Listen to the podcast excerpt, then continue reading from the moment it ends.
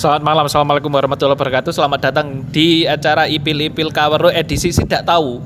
Karena saya ini juga dalam rangka menjegal yang petugas resminya.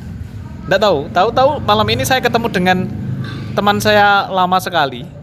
Tapi saya sepertinya eh, tergerak untuk merekam ini. Mungkin menjadi salah satu konten yang agak lumayan bermanfaat daripada konten-konten ipil-ipil sebelum-sebelumnya yang jauh lebih gak karu-karuan ya. Jadi untuk apalagi untuk eh, teman-teman yang nantinya akan punya mungkin mimpi-mimpi untuk untuk pergi ke luar negeri dibayari oleh negara kita atau negara orang lain untuk sekolah mungkin agak-agak ah punya bayangan lah satu dua begitu ya. Ya, ini teman saya ini nama lengkapnya saya tidak tahu. Tapi yang jelas saya biasa memanggil dia itu Mutia. Eh, sebetulnya eh, agak aneh ini figur satu ini menurut saya ini agak lumayan eh, tidak ti- tidak anu lah tipikal gitu ya, tidak tipikal sih itu anak anak teater tapi juga penulis menulis beberapa buku. Dan saya sempat nah kini lek gak apa-apa lek. Kini loh kok aku yang ngipil-ngipil arek gak jelas iki yo.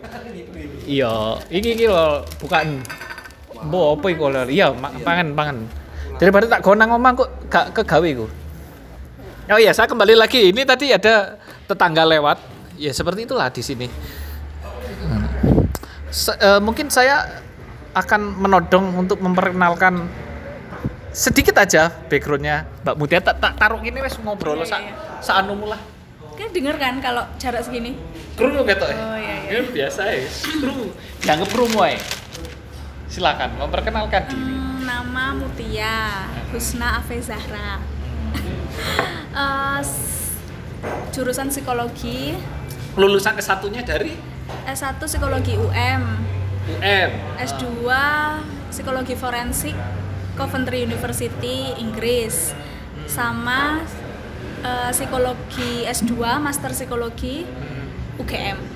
Wah, banyak sekali. Itu enggak ribet kepala itu diisi segitu banyaknya informasi. Aduh, ribet. iya masih muda. Tapi ya memang beban orang dan nasib orang beda-beda ya. Ada yang santai-santai, ada yang dipenuhi banyak sekali informasi. Nih umur segini sudah banyak sekali apa? Apa namanya ini? Gelar-gelar yang di dibawa. Kabupaten ya. Gelar. Iya. Saya enggak tahu harus bersikap kasihan atau senang ya. Berempati aja. ya ngono ya. Iya iya iya iya iya. Tapi saya mau tanya sebetulnya ini Aku udah nggak teater sebenarnya Pak. nah itu men- itu menarik ya. Kenapa dulu kok terlibat dalam wilayah gelap itu apa iya, karena ya ini aja sebenarnya nyari. Nah, Terus ketemu teman-teman, terus ya wis kegiatan gitu. itu Kegiatan. dulu terpaksa atau atau memaksa Nah, memaksakan itu diri. terjebak sebenarnya. Terus berapa tahun sih ikut kegiatan?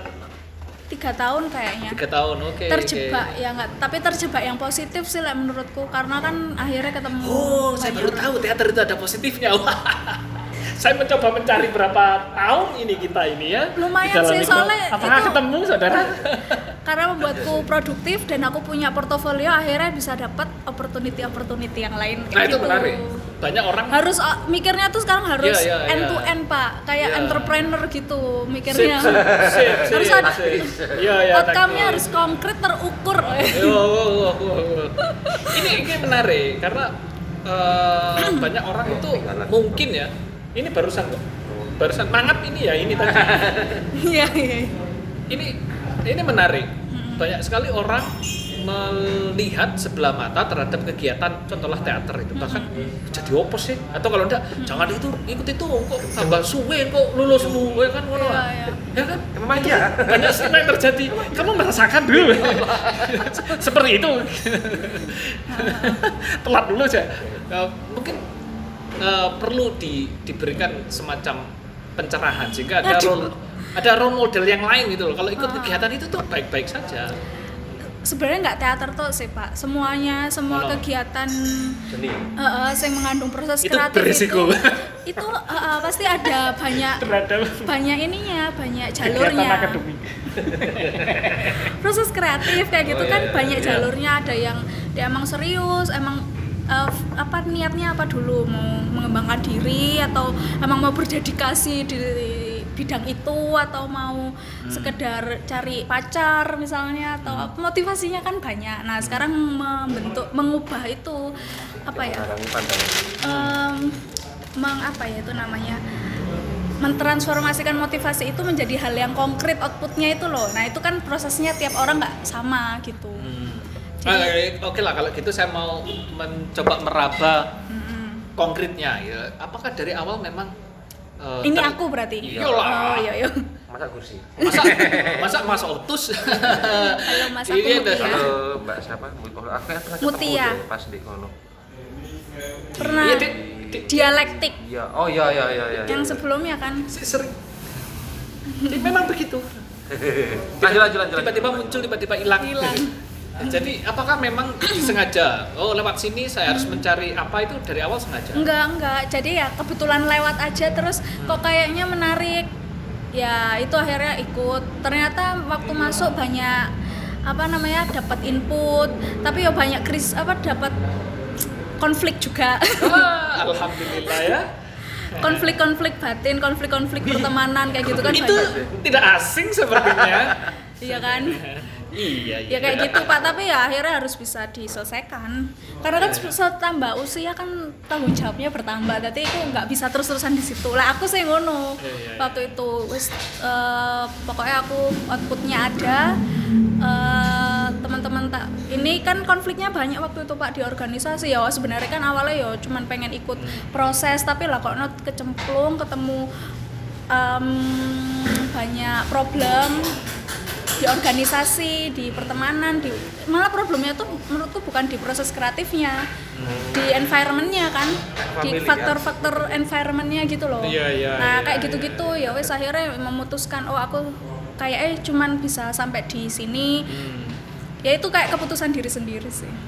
Sampai di situ eh, ukurannya apa? Oh oke kok berarti prosesku udah kene tak bikin buku. Iki wis tak eh, berapa buku yang dihasilkan dua dua tapi yang Dua. satu itu kayak logbook performance gitu kan Oke, yang lebih iya. lebih visual gitu tapi lebih mahal jatuhnya jadi itu wis Iya, kurang kurang apa ya eh, Oh, saya biaya produksinya saya peduli kalau Iya. masalah buku itu pokoknya saya Loh, beli enggak waktu itu gini pak kan soal sustainability Oh, organisasi oke, oke, oke. organisasi Ya, itu nggak menarik, sustain ya, ya. kan harus punya produk supaya bisa Ya, ya, ya, sustainable ya, ya. organisasinya tapi kan eh, orang-orang yang berpikir manajemen kan nggak nggak banyak Nggak banyak nggak banyak kan ya ya itu salah satu kelemahan di banyak lingkaran kita Mm. juga ya Nah itu ya aku sekarang nggak tahu sih kabarnya eh, organisasiku yang dulu tuh seperti apa. Ya itu tapi aku waktu itu udah berupaya supaya punya produk sustainable. eh, aku ada modal jualan terus ini nanti eh, bahkan hasil penjualannya buat proses kreatif gitu Ya, aja. oke. Ini sebagai bentuk apa ya? Me- kabur ya. Mengaburkan diri sebelum aku sekolah kayak gitu. Jadi Iya, ada halus. pertanggungjawaban pertanggungjawaban Halus. moral lah. Iya, ya itu adalah pamitan yang produktif ya.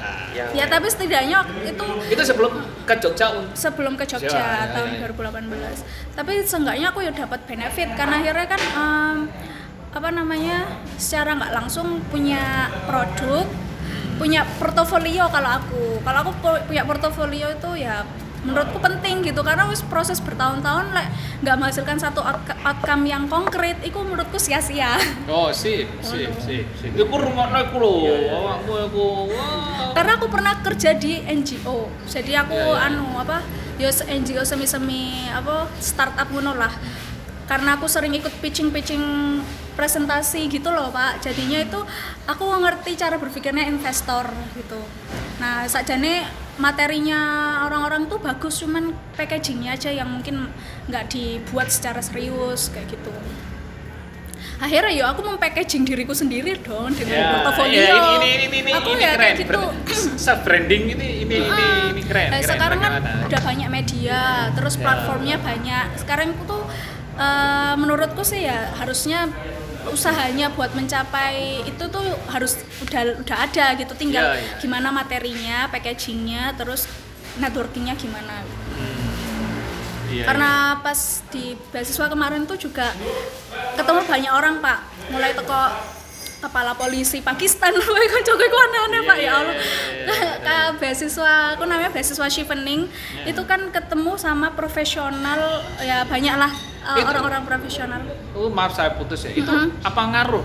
Nah, Misalnya karena- portfolio itu pada pada proses perburuan beasiswa itu ngaruh. Ah, nah itu em, tahap apa itu ke masuk ke kon- berkontribusi ke materi kalau menurutku. Iya, iya, Jadi kan kalau misalnya mau masuk pengen daftar beasiswa itu ada banyak faktor ya. Salah satunya mate- ki- materi kita tuh harus bagus dulu gitu loh. Oh, iya iya iya. Lah kalau aku Brandingnya keren. Kamu siapa sih? Gitu kan saya Nah, tahu. iya, iya. kamu sudah ngapain Iya, gitu kan? iya, Pasti kan iya, gitu. iya, iya. Kamu sudah ngapain ini? Impactmu apa kan? Nah, Ya, iya, kayak iya. gitulah cara-cara berpikir investor kan yang transaksional. Makanya itu eh, sejak sejak aku kerja di NGO nih semi semi startup iku di Malang nah, kan iku eh, pola pikirku iku lumayan apa ya akhirnya lumayan transaksio transaksional loh pak tapi nggak melulu soal idealisme nggak melulu soal praktikal mungkin ya?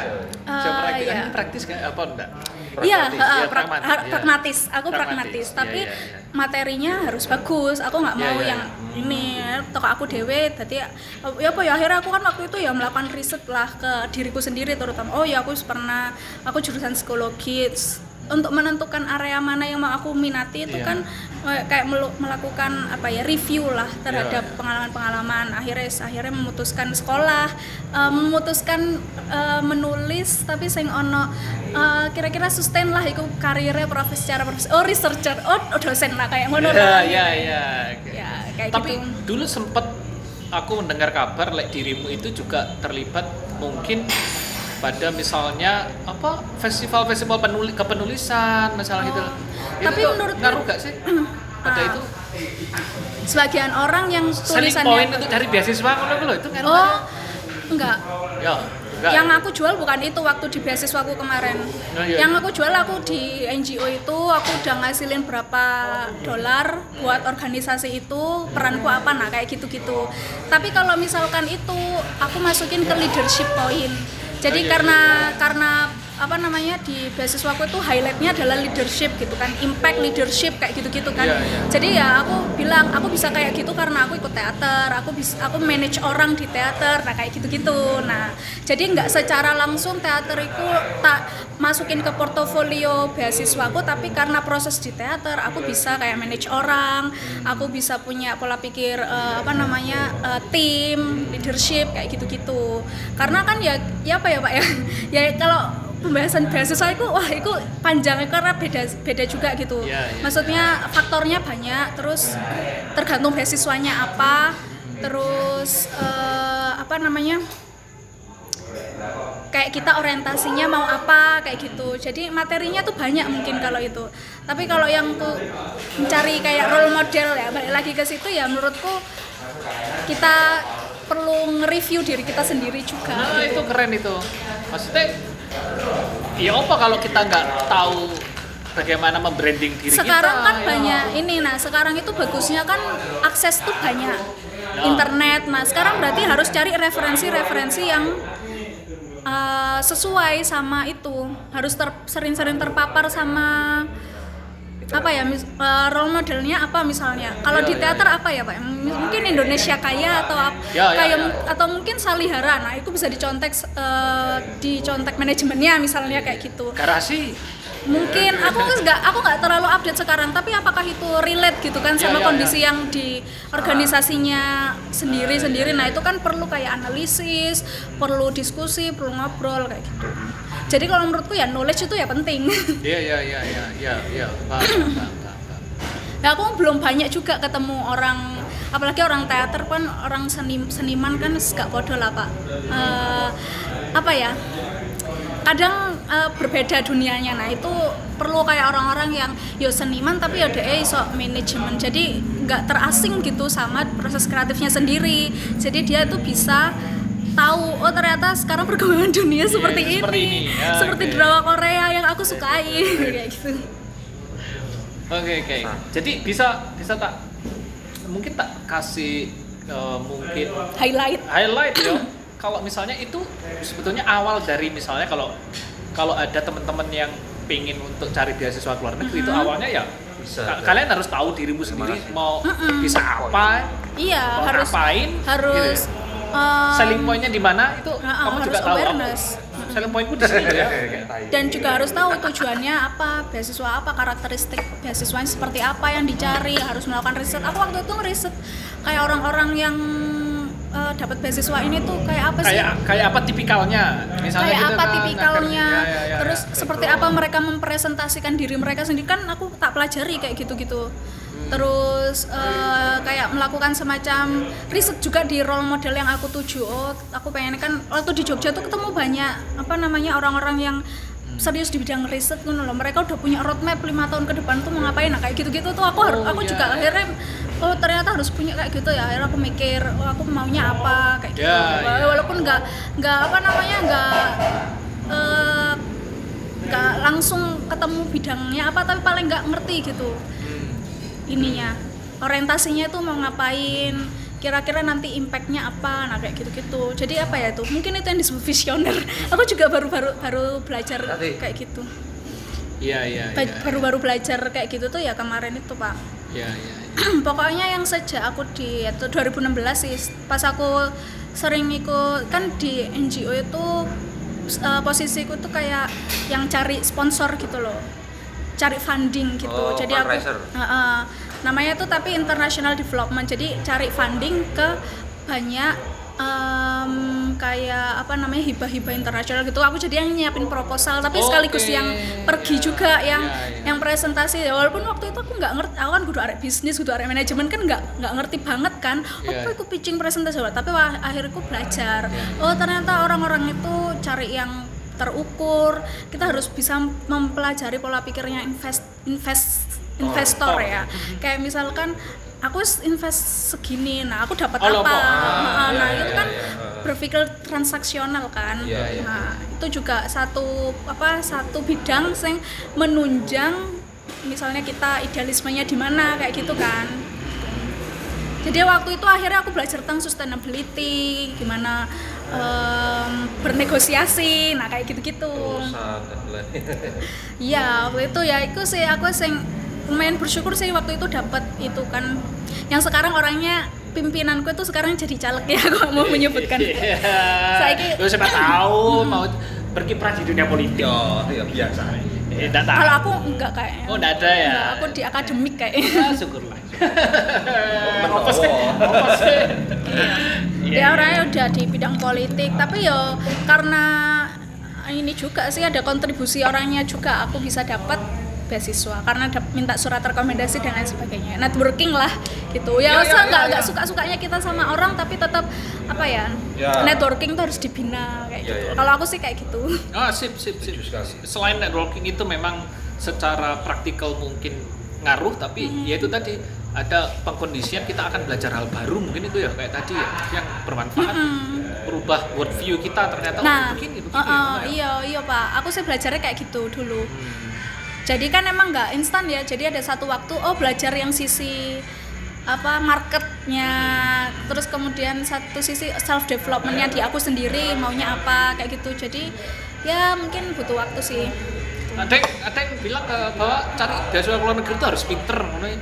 Nah, harus nggak? kamu pinter kayak aku kayaknya aku lah iya kan Kayaknya aku lalu ini berusaha. aja role modelnya kan Ya, role model ya. Kalau menurutku anu eh, pinter itu hasil belajar kan. Jadi ya, Ya. yang mau belajar mau belajar yang penting gitu. Oh, kak sebetulnya mau berangkat misal gitu ngaruh gak sih ni- nilai-nilai akademik? Oh nilai-nilai akademik itu? Misalnya di S1-nya gitu. Wah, itu sih nggak ngaruh pak menurutku. Karena eh, iki iki akhirnya ke sistem pendidikan di Indonesia secara keseluruhan tuh gapnya juga masih Oh, sangat ini- jauh. Ini so, sampai sobo, jangan, jangan, jangan, jangan Melet ya, ya. Nggak gitu maksudnya. Iya, iya, iya, iya. Waktu waktu itu pak, ngeri Aku- bahas ini. nah aku dewe aku nge- ngerasa apa Iya, yang iya. tak pelajari itu juga untuk mencapai eh, standarnya UK education ya, iki konteksnya itu gapnya iya. juga terlalu jauh. Aku tuh kudu nggak cuman harus lari maraton, aku lah iso lah ada sehari itu Iso ngumpul. 28 jam aku belajar 28 28 Untuk jam Pak. mengejar itu. Heeh, untuk mengejar gap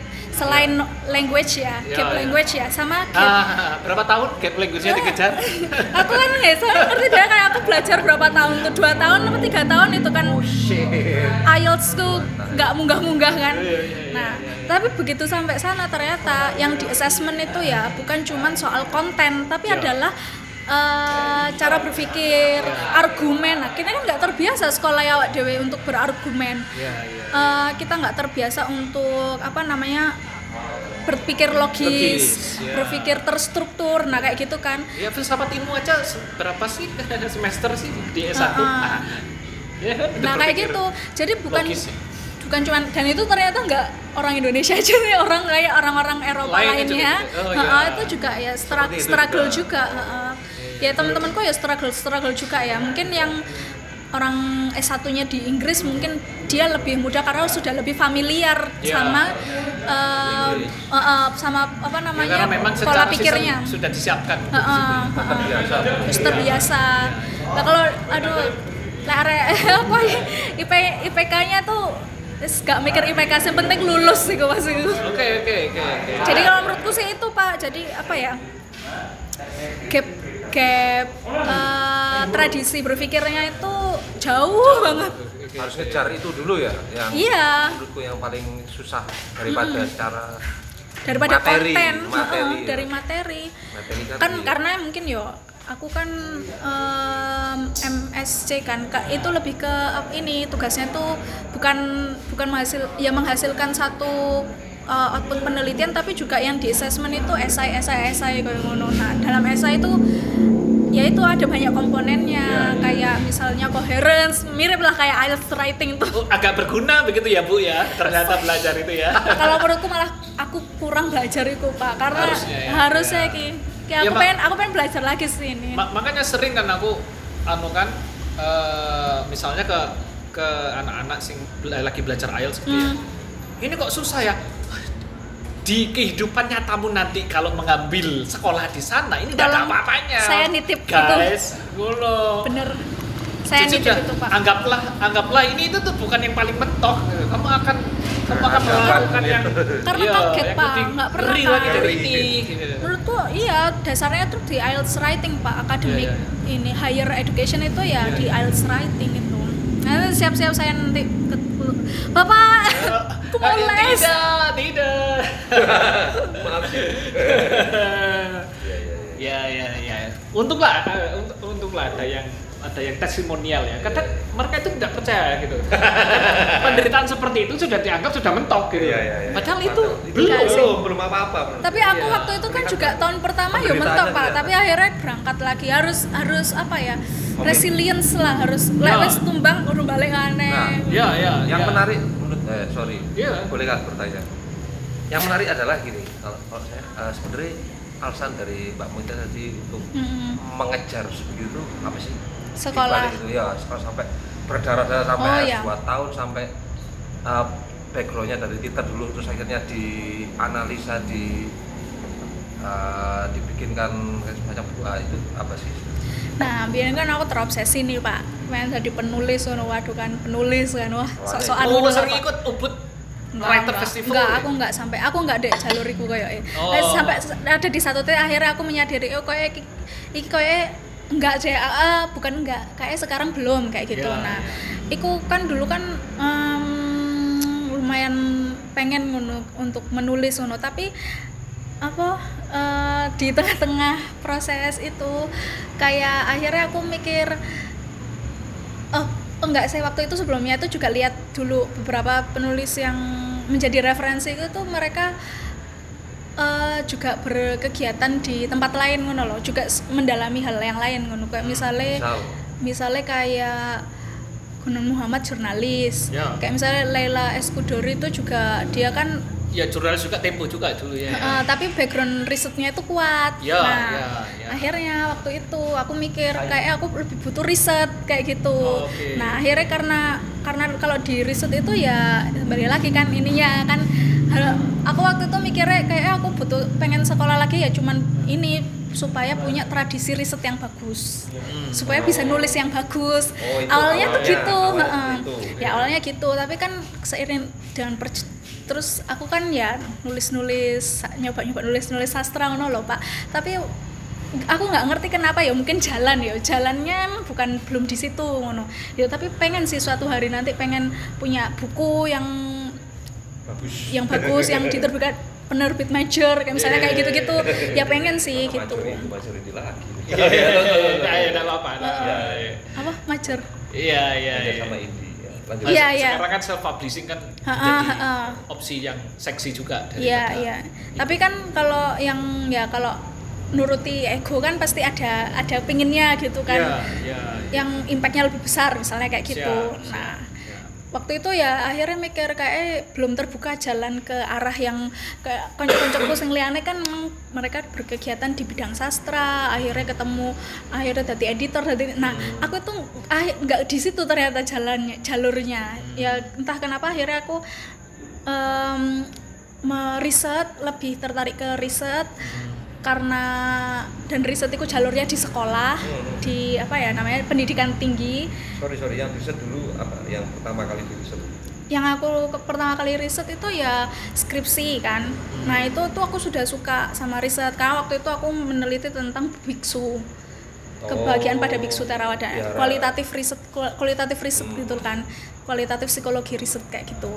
Nah akhirnya eh, karena menikmati riset dan menurutku juga eh, riset itu berpengaruh secara signifikan di beberapa kegiatanku ya termasuk salah satunya di manajemen kelompok di mana di mana di mana. Nah itu. Akhirnya aku berpikir kayak aku juga apa namanya berbakat untuk riset ini. Akhirnya akhirnya eh, instead of apa aja- apa bahasa Indonesia ya? Iya, iya, iya. daripada Iya, iya. daripada aku mengusahakan yang aku nggak punya jalurnya kayak akhirnya menjadi editor berada di lingkungan sastrawan akhirnya aku memanfaatkan apa yang ada Ma- ke- kebetulan materiku ada punya apa namanya prestasi akademik ya wes akhirnya tak teruskan di bidang akademik tanpa meninggalkan hobiku ya. Waktu, waktu itu kan jadi Oh, Nah, iya. akhirnya posisinya Ya. yang awalnya itu tujuan kayak apa yang awalnya itu menulis di bidang sastra, di bidang apa teater, di bidang apa ya proses kreatif itu sebenarnya tujuan. Akhirnya ya akhirnya legowo aja lah ini hobi aja dulu. Karena kan yo berpikirnya itu tadi Mas soal apa namanya sustainability karir. iya, Nah, aku iya. kan satu titik harus menghidupi diriku sendiri kan aku nggak mungkin gini-gini tok kan. Betul. Nah, akhirnya aku mencari jalur yang lebih em, lebih stabil lah secara finansial. Ya, ya. kayak gitu. Yang lebih ada jenjang karirnya bukan karir sih kalau researcher itu Ya. yang mungkin lebih ada aktualisasi ininya itu ada gitu ada jalannya gitu settle juga kan Nah, ya itu settle itu. Itu itu yang tadi tak cari-cari apa ya? Iya settle itu. Settle secara finansial Ah, ah. secara ya, eh, eh, nanti kalau mungkin sudah settle aku pengen masih berkarya di bidang ini yang di, di lingkungan yang sastra sastra mungkin kayak gitu. Terus akhirnya? Ya akhirnya itu sekarang masih di tahapan di mana men, eh, selesai sekolah mencari pekerjaan supaya settle ya membangun apa se- sebagaimana kehidupan orang-orang kan eh, menjalankan tugas normally. tugas eh, tugas perkembangan kehidupan menikah kalau perempuan eh punya anak kalau perempuan menikah Oh, punya anak. Lo ya iya dong. Ah ya itu. Iya. ya kayak kemarin tesisku yang di UGM itu juga ada sisi-sisi feminisnya gitu. Tapi aku ini chapter beda mana sih iki pak Ya, ya, ya, ya ya. itu Next, tadi next. yang yang pokoknya yang kenapa riset itu itu akhirnya karena pertimbangan satu se- settle Heeh, eh, tugas-tugas perkembangan kehidupan sama ya ini ini juga sih ternyata aku ya menikmati juga gitu dan punya orientasi untuk bisa bikin banyak riset dulu misalnya ya Hmm. dari keinginan ataupun bukan keinginan lah mungkin dari step pertama untuk aku mau sekolah ke luar negeri deh itu butuh Oh. berapa lama itu sebenarnya aku sudah ini pak jadi. iki iki ada ini eh, jadi generasiku tuh waktu aku SMP Hmm. itu tuh banyak banget di Togamas itu buku-buku tentang menca perjalanan ke luar negeri Andra Hirata itu 2008 sampai Wah, 2011 iya, iya.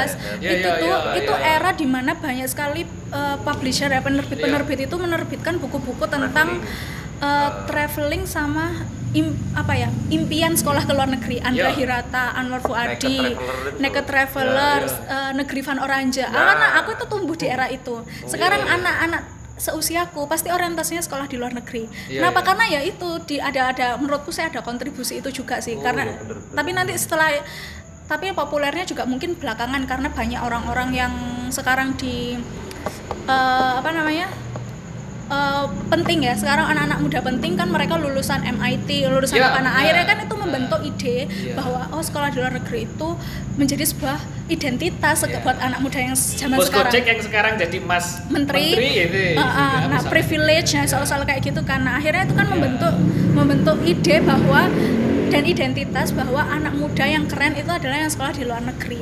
Nah, a- akhirnya sejak itu aku kan ya wis berniat sejak SMP aku mungkin ya sejak awal-awal SMA lah. Mimpi itu ada. Nah, uh, daerah mana dulu? MTS Surya Buana. Oh, MTS Surya Buana. Terus SMA-nya? SMA man 3. Oke. Jadi aku sampai dari dari lahir sampai SMA itu eh, sampai S1 lulus S1 tuh di Malang, Iya, belum iya, pernah iya. ke mana-mana.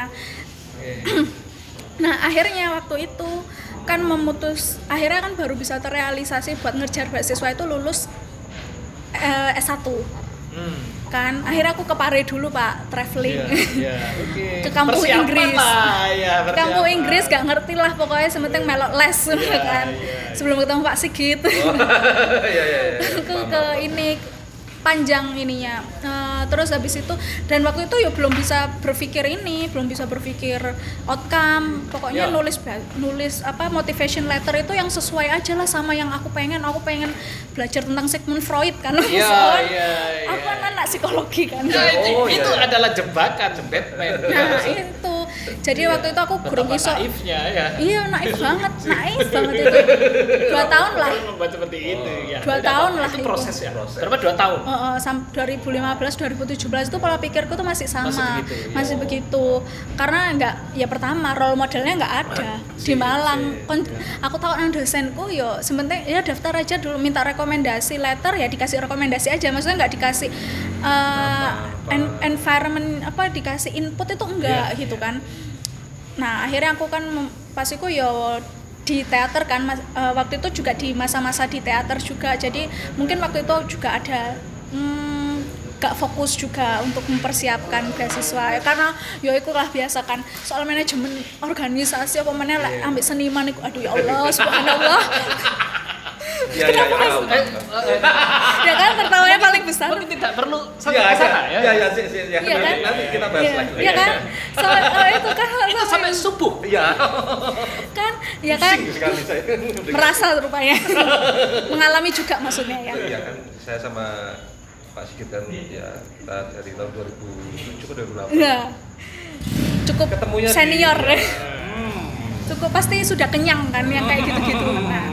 Nah, ah, ya waktu itu juga ada itu, tapi akhirnya eh, aku itu dari tahun 2015 itu selalu nyoba tiap tahun itu yang buka Ya. apa LPDP, beasiswa chevening, pokoknya beasiswa ya. ah, persisten ah, Nah itu sebentar. Ketika itu nyoba itu maksudnya itu kayak tebar Iya. Kak, tebar apa namanya jala atau atau memang sudah sudah mem- menggambarkan bahwa ini nanti kayaknya aku bakal ke sini ke sini. Oh enggak, jadi apa yang buka kan ya kan waktu Iya, itu iya. udah awal-awal media sosial. Belum ada awal-awal media jelas. sosial, terus belum Iya. ada strategi yang jelas. Iya. Belum ada itu. belum ada ya. awal-awal 2015 itu ada kayak misalkan eh, info-info beasiswa kayak Oh, gitu, iya, iya, portal-portal iya. kayak gitu tuh sebenarnya udah ada. Nah itu wis cuman dari situ, tapi enggak bu- materiku materiku sendiri tuh kayaknya masih belum bagus waktu itu ya aku masih dan presentasiku itu juga masih buruk banget lah kayak misalkan aku pokoknya mau belajar psikoanalisis tapi nggak ngerti itu mau dibikin apa kan ya kan nggak bisa juga kayak gitu apa, Iya, iya. Indikator buruk itu kayak gimana? ya maksudnya kayak Presentasi. eh, buk presentasi aplikasi ya kan kita kan kalau eh, daftar beasiswa kan harus menulis Eh, esai eh. esainya tuh macam-macam ada yang motivasi letter kenapa Eh. sekolah di pilihan kenapa mengambil eh, pengen tertarik mendaftar beasiswa ini. Nah itu kalau nggak dibekali dengan knowledge dan riset yang bagus ya kita bakal cuma ya tersesat aja cuma nulis aja. Padahal kan kayak gitu itu ada strateginya. Kita harus ngerti kan beasiswa itu tuh orientasinya apa. Contohnya kayak misalkan di beasiswa yang aku kemarin dapat kan chevening dari pemerintah Inggris. Nah kita aku harus harus rada, rada paham lah agenda pemerintah Inggris. Nah Indonesia itu apa kira-kira? supaya kita bisa men- ini kan bisa mendeliver gitu Iya, kan. iya, iya, dengan aku begini nah, waktu itu aku eh, waktu di beasiswa chevening itu aku aku membawa isu tentang generasi 2045 generasi emas Indonesia kan waktu karena aku kan ngambil psikologi forensik kan Hmm. waktu itu fokusnya ya kepengen punya apa namanya iki tapi yo ternyata apa namanya juga masih jauh juga dari apa yang aku tulis di esai Esai, gitu iya. tapi paling enggak eh, asesor beasiswa kan pasti melihat oh ini vi- visioner atau enggak Visioner, anaknya hmm. nah kayak gitu. Visioner. Nah Salah waktu tahun poin. 2015 sampai tahun 2018 itu semua beasiswa itu aku daftar dan aku tulis esainya. Fulbright, beasiswa Amerika, beasiswa Erasmus, ada beberapa yang udah ham- udah masuk tahap interview tapi nggak jadi, ada beberapa yang di administrasi juga udah ditolak, nah kayak gitu.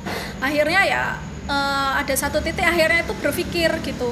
Dan waktu itu juga ada ke- keajaiban juga sih karena ayahku nyuruh sekolah tahun 2018 sekolah tahun ini apa enggak sama sekali? Ya akhirnya terus aku pamitan arek ya itu tadi kan pakai yang buku dan lain sebagainya. Saya aku sekolah di Jogja ternyata alhamdulillahnya justru malah dapat banyak input karena aku berada di environment yang tepat. Itu apa? Waktu di, Jogja? di S2 di UGM Ah, psikologi. psikologi juga. Psikologi Linear juga. berarti ya? Linear. Tapi kalau yang di UGM itu lebih ke psikologi sosial kelompok dan relasi sosial lah kayak gitu. Jadi lebih lebih apa ya kalau di Inggris mungkin lebih spesifik kan psikologi forensik kayak gitu. Oh berarti eh, di dalam tenggang masa belajar S2 yang di UGM itu di tengah-tengah itu pergi mendapatkan beasiswa? Iya, cuti akhirnya aku di yang di UGM cuti setahun karena yang di Inggris tuh kan beasiswanya cuma satu tahun.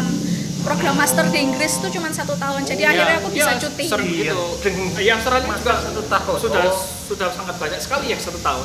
Karena itu, Ya. ya karena itu walaupun aku udah S2 ya ibaratnya memulai mencuri start kan, Ya. tapi itu sebenarnya juga tetap membuat tetap struggling banget Iya, ketika iya, iya. di Inggris karena ya itu tadi. Tetap kan. ada shock itu tadi. ya ya shock culture Iya, iya. banyak ininya sih faktornya kayak gitu waktu di Jog- di Jogja pun sebenarnya menurutku di UGM juga udah sangat bagus ya ininya karena tradisi risetnya tuh bagus gitu. Karena orang-orangnya juga mungkin ada ada pengaruh dari lulusan mana lul- lulusan di luar negeri. Akhirnya mereka punya mm, kesadaran menulis yang lumayan produktif sih lah menurutku anu ya mungkin mungkin bisa di nanti kan terwadahi di Jogja Betul, jadi aku ikut tersalurkan ngono Pak. Apa yang aku cari itu ada di Jogja. Oke. Ketemu role model, ada banyak kegiatan-kegiatan eh, di bidang riset kayak gitu. Akhirnya kan aku ngerti oh ternyata riset itu bisa ke policy, ke undang-undang, ke eh, ke mana lagi ya? Banyak juga eh, menurutku di UGM ya psikologi UGM itu juga Tidak pengen masuk LIPI. Ah, kalau misalkan ada pembukaan sih sebenarnya pengen-pengen aja pak.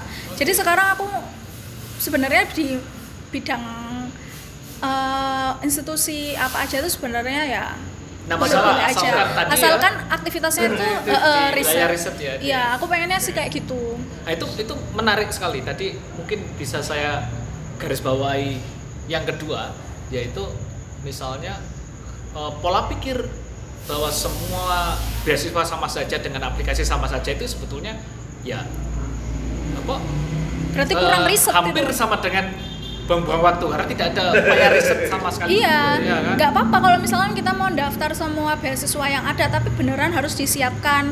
Eh, aku waktu itu secara mandiri ya, maksudnya mengkonstruk gitu loh. Formula itu tak konstruk sendiri kan, kayak misalnya em, apa namanya? Ini tuh eh, beasiswanya orientasinya apa? Agenda ke Indonesia kira-kira kayak gimana? Iya, terus benar, habis itu benar. jurusan yang aku daftar, terus Relate eh, relate relate-nya ke agenda itu tuh seperti Apa? apa? Nah, jadi banyak variabel yang harus disiapkan gitu. Nah, itu hanya untuk melamar satu iya. satu beasiswa saja Iya. ya kan beasiswa Beda- yang lain punya Mm-mm. mungkin Tapi punya kalau mungkin lain. mungkin kalau kita sudah punya rumusnya ya. atau pola ya Itu itu, bisa dipakai. Nah, itu kayak gitu tuh harus ditemukan sendiri sih kalau menurutku. struggle-nya di situ berarti ya. Iya. Menemukan pola. menemukan pola itu yang beneran menurutku akhirnya bisa berkontribusi ke performance aplikasi beasiswaku kayak Iya gitu. iya iya. Sa- Saya juga sering memberikan sebuah semacam bukan sindiran tapi penyadarannya bahwa kamu akan mendapatkan uang ratusan juta nih. Totalnya itu hampir M lah kalau S2, Iya, S- iya. apalagi S3 ya. Masa usahamu segini aja? Kayak gitu loh. Iya kan? Iya, iya, iya. Nah itu kan juga harus kita pikir. Oh, transaksi. Nah kan kalau dari sisi investor, kayak kita kayak duit setengah m Ya. rupiah.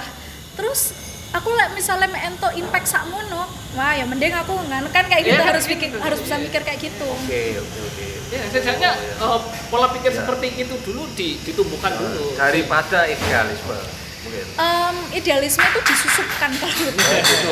Masih ada maksudnya. ya? harus ada, harus harus seringnya Ya, sih. Kan harus ada pola.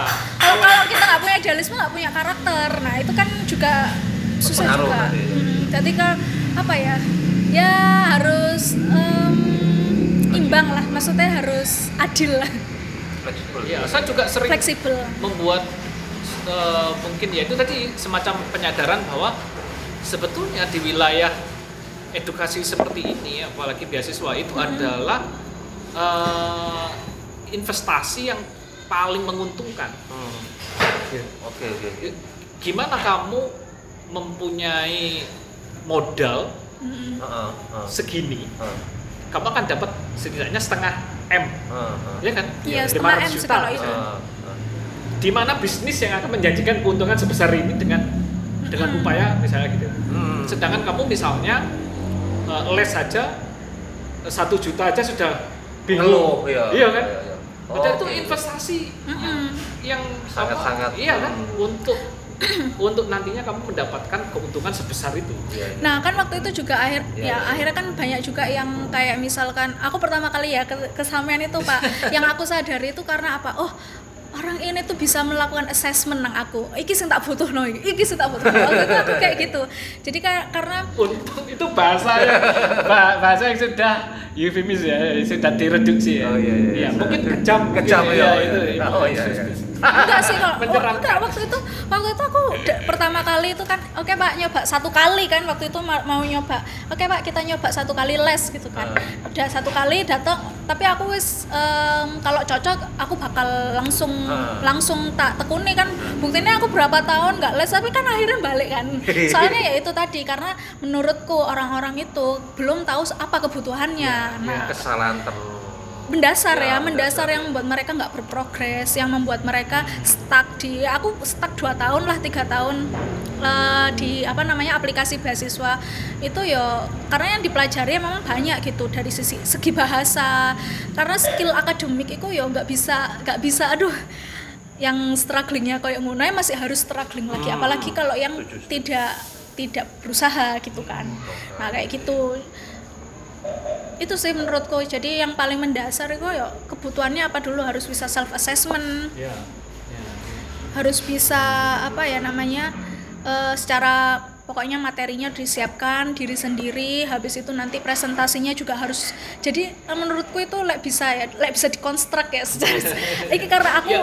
barusan menyelesaikan satu tulisan Eh, iya, akademik iya, kayak gitu jadi sangat apa jenenge sangat akademik ya Masih terbawa ya bu ya? Masih Ya, terbawa. ya, ya, Nggak apa-apa, nggak kita butuh kita butuh itu. Ya itu tadi kalau formulanya kalau menurutku ya secara materi harus em, settle dulu harus mapan terus habis itu di tahap selanjutnya ya harus bisa mempresentasikan materi itu sesuai dengan eh, dalam tujuan untuk mendeliver ide-ide yang sudah kita bangun kayak Itu gitu yang kan relate sama kebutuhan dari betul Ya investornya Ya. misalnya. Ah, Misalnya iya. investornya kayak kan gitu. kasarnya. Nah, itu kan Iya. Packagingnya tuh juga butuh rumit proses sekali. butuh proses ya Iya. Bertahap. 500 juta kamu mau santai-santai. Ini bukan lotre, Iya. Bu. bertahap kan Iya. akhirnya ininya apa usahanya itu bertahap gitu jadi enggak satu kali duduk selesai ngono Iya, enggak iya, harus iya. berkali-kali terus habis itu ya mempersiapkan diri kayak misalkan di, di apalagi di sesi interview itu kan harus bisa Iya. harus punya strategi harus bisa meng-highlight apa yang harus diomongin dan mana yang enggak kayak gitu-gitu negosiasinya juga harus ada nah itu Nah, kalau itu mungkin persiapan secara materi ya. Kalau kalau, secara mental itu gimana? Jujur aja aku nggak mempersiapkan secara mental karena karena bulan ini ket- aku kan waktu itu masih cadangan kan. Aku Iya. eh, d- mempersiapkan IELTS ke bapak itu dalam status aku saya cadangan. Iya, iya. Jadi Cadangan ada di? cadangan beasiswa gitu. Jadi ada yang langsung diterima, ada yang masih di cadangan. Nah, kalau Oh, diteri- yang gitu. diterima ini ada yang mengundurkan diri. Nah, Ya, yang ya, cadangan ini naik. masuk. Nah, waktu itu tuh posisiku ya sebenarnya enggak apa masih ada kemungkinan tidak berangkat, ada kemungkinan berangkat kayak gitu. Akhirnya satu bulan apa pokoknya persiapanku itu cuman lima minggu atau enam minggu gitu dan itu habis buat mempersiapkan yang teknis-teknis lah kayak visa Hmm. terus apa namanya itu eh, tes-tes TBC kayak gitu-gitu yang ruwet-ruwet lah kayak cari kos-kosan di Inggris kayak gitu-gitu aku jujur aja aku nggak mempersiapkan secara mental. Jadi rodok-rodok shock culture waktu mulai sekolah itu. Dan itu meregulasinya berapa lama ketika kan itu otomatis pasti stres ya, stres stres sebenarnya setahun itu stres terus yang membuat yang yang membuat gak stres tuh ya jalan-jalan Oh gitu ya. Oke oke oke. oke. Tapi sayangnya pandemi, Bung. pandemi aku sekitar dua bulan itu nggak ke mana-mana kan aku setiap bulan itu selalu pergi kan setiap minggu kalau bisa aku selalu pergi Iya, iya. iya. Mumpung ya. mumpung sih bisa dolen ya. Iya, iya. Tapi ya- ya Eh, gitu sih, Pak. Pertanyaan-pertanyaan eh, di ujung-ujung ya. Apa sih yang yang merubahmu? Apa ada ada perubahan fundamental apa setelah misalnya orang orang ini lulusan luar negeri misalnya gitu ya. Hmm, Apa sih ciri-ciri fundamental yang membedakan selain selain hanya apa eh, si- perbedaan sistem iya ya eh, sistem pendidikannya Hmm. ataupun mungkin tanda kutip kualitas Oh, oh. ya kan? Kualitas pengajarannya kualitas pengajarnya. Tapi dari sisi orangnya lulusannya itu apa? Hmm, apa ya pak ya? Tapi ini sangat personal setiap orang mungkin bisa berbeda ya. Oleh aku Ya. pribadi itu kok proses Subjektif iya subjektif. Iya.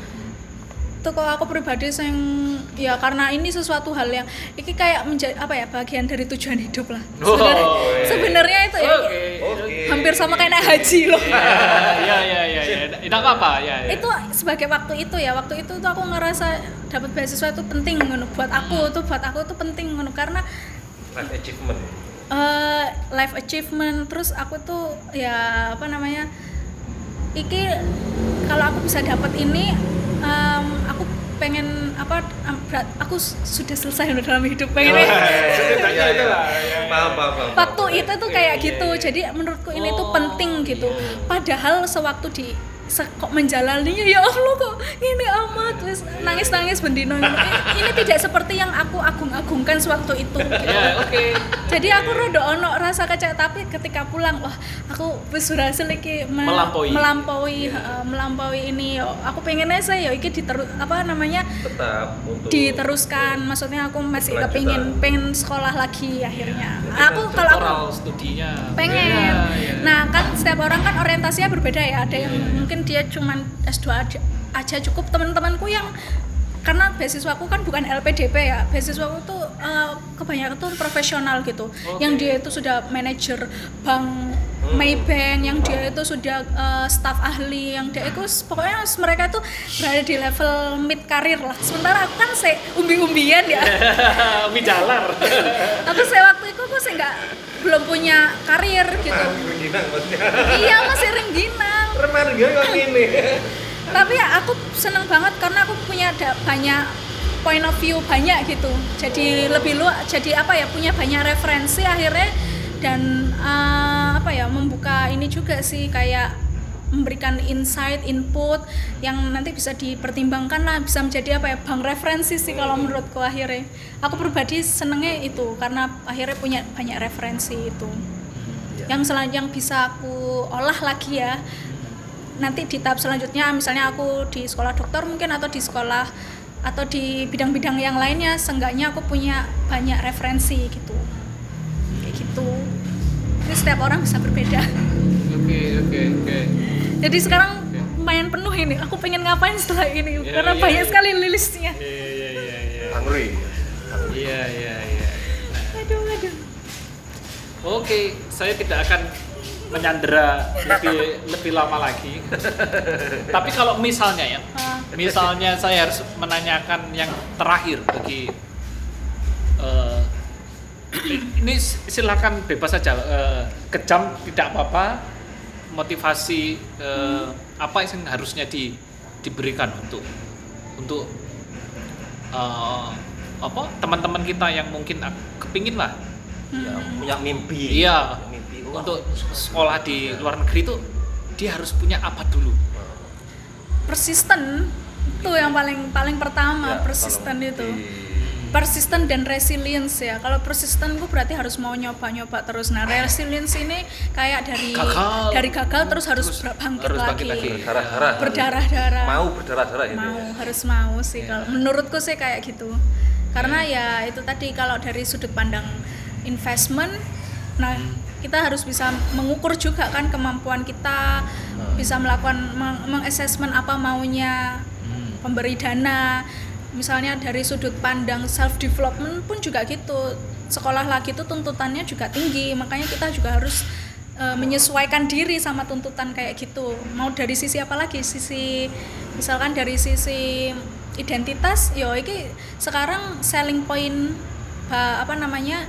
Walaupun sekarang sudah sangat banyak kan lulusan luar negeri tapi selling point tetap tetap apa perhitungkan eh, tetap ada ada. apa ya branding itu tetap nggak bisa Iya. dipisahkan Oh, kayak Iya, gitu. iya, iya, iya. Ya sekarang akhirnya ya impactnya ke misalnya aku akhirnya ya lumayan sering diminta buat misi workshop apa nah itu kan akhirnya jadi satu opportunity supaya knowledge-nya yang aku punya bisa bisa di share nah kayak gitu Hmm. ya walaupun sekarang sebenarnya nggak nggak cuma soal lulusan luar negeri tapi apa akademisi secara umum sih kalau menurutku Hmm. Gitu pak Hmm. Si- tadi perihal pintar tadi sudah terjawab ya Hah? perihal pintar Ya, S, Maksudnya eh, eh, S1 Eh. misalnya lulus S1-nya eh, Cum laude. Cum laude. harus yang enggak superior enggak secara akademik.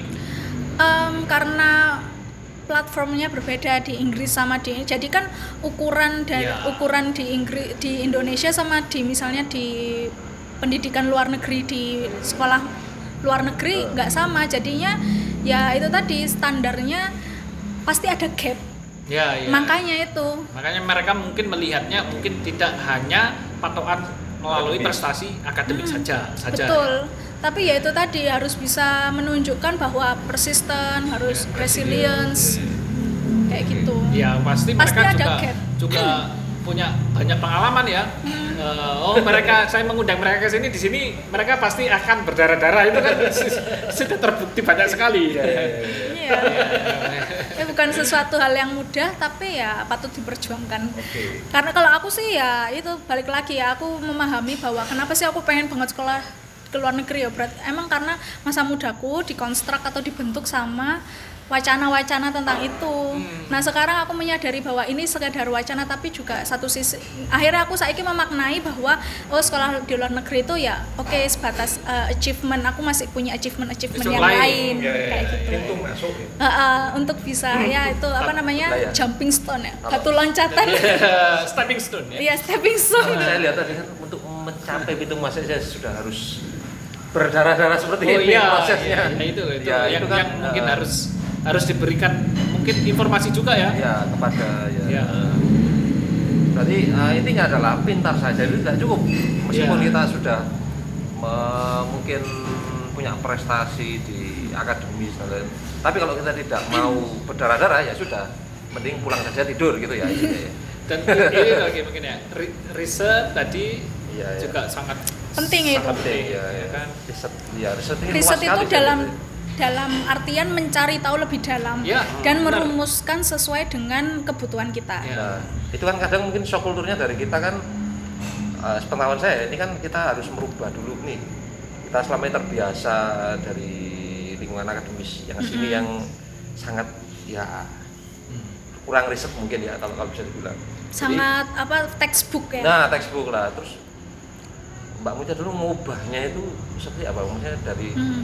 Dari transisi dari akhirnya untuk eh, apa mau meriset-riset riset itu kan butuh effort butuh ya waktu itu stimulusnya apa ya kalau aku sih cuman mikir gini em, kayaknya riset itu metode yang sangat bagus tuh loh untuk untuk mengambil suatu langkah Hmm. untuk mem- mengambil keputusan ngono. Ya. atau untuk me- apa untuk me- memutuskan sesuatu hal waktu itu misalnya dalam kasus yang kecil misalnya waktu itu mau milih sekolah.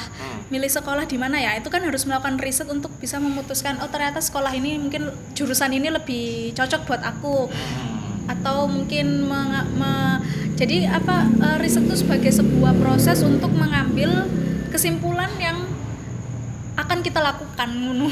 Waktu itu aku mikirnya gitu, stimulusnya itu seperti itu. Tapi ke- kalau itu riset dalam proses kan. Ya. Tapi kenapa aku sangat berminat di riset tuh ya sebenarnya karena karena alasan eh, pertama itu pertama itu waktu dulu eh, role modelnya kayak Lela Eskudori dan lain sebagainya itu punya tradisi riset yang kuat. Ya. Terus habis itu lebih ke settlement eh, karir yang mungkin menyalurkan sisi aktivitas menulis tapi juga tetap settle. Nah, di situ. Nah, kayak gitu. Karena saya juga sering berhadapan dengan apa para pemburu beasiswa. Tapi nggak nggak ada portofolio. Jadi ditanyakan, kamu sudah baca kira-kira nanti di sana uh, course-nya apa saja yang kamu dapat?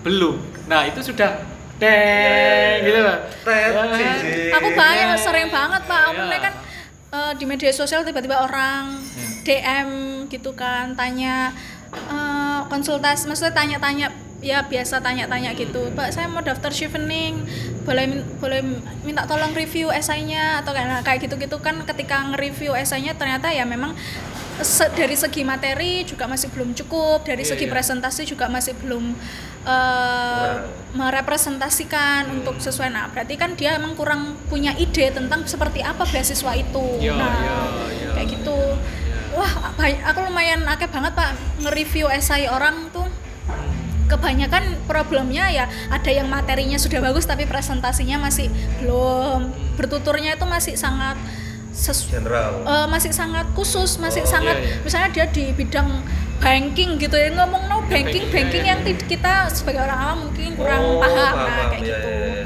Nah kayak gitu. Jadi ada yang mungkin dia memang ya aku seperti melihat aku yang dulu aja kayak oh aku juga pernah dalam fase-fase kayak gini Iya, tapi iya, ya iya. semoga apa review-reviewku nih bisa bermanfaat lah untuk memberikan apa progres atau self improvement lah buat buat teman-teman kayak gitu Oke, terima kasih banyak. Maafkan telah menyita waktunya. ya guys, ya semoga ipil-ipil edisi kali ini agak bermanfaat. Daripada edisi-edisi sebelumnya. ya wis, begitu saja. Eh, saya sebagai konduktor Iya. Hanya pemicu dialog perkopian malam ini mengucapkan terima kasih banyak atas kesabarannya, atas ketabahannya untuk tetap stay tune sampai sampai di ujung dan sampai di episode yang ndak tahu ini berapa ya. Sampai bertemu di episode ipil-ipil berikutnya yang semoga juga sama bermanfaatnya. Assalamualaikum warahmatullahi wabarakatuh. Sampai jumpa. Semoga berbahagia. Untung nggak sampai subuh ya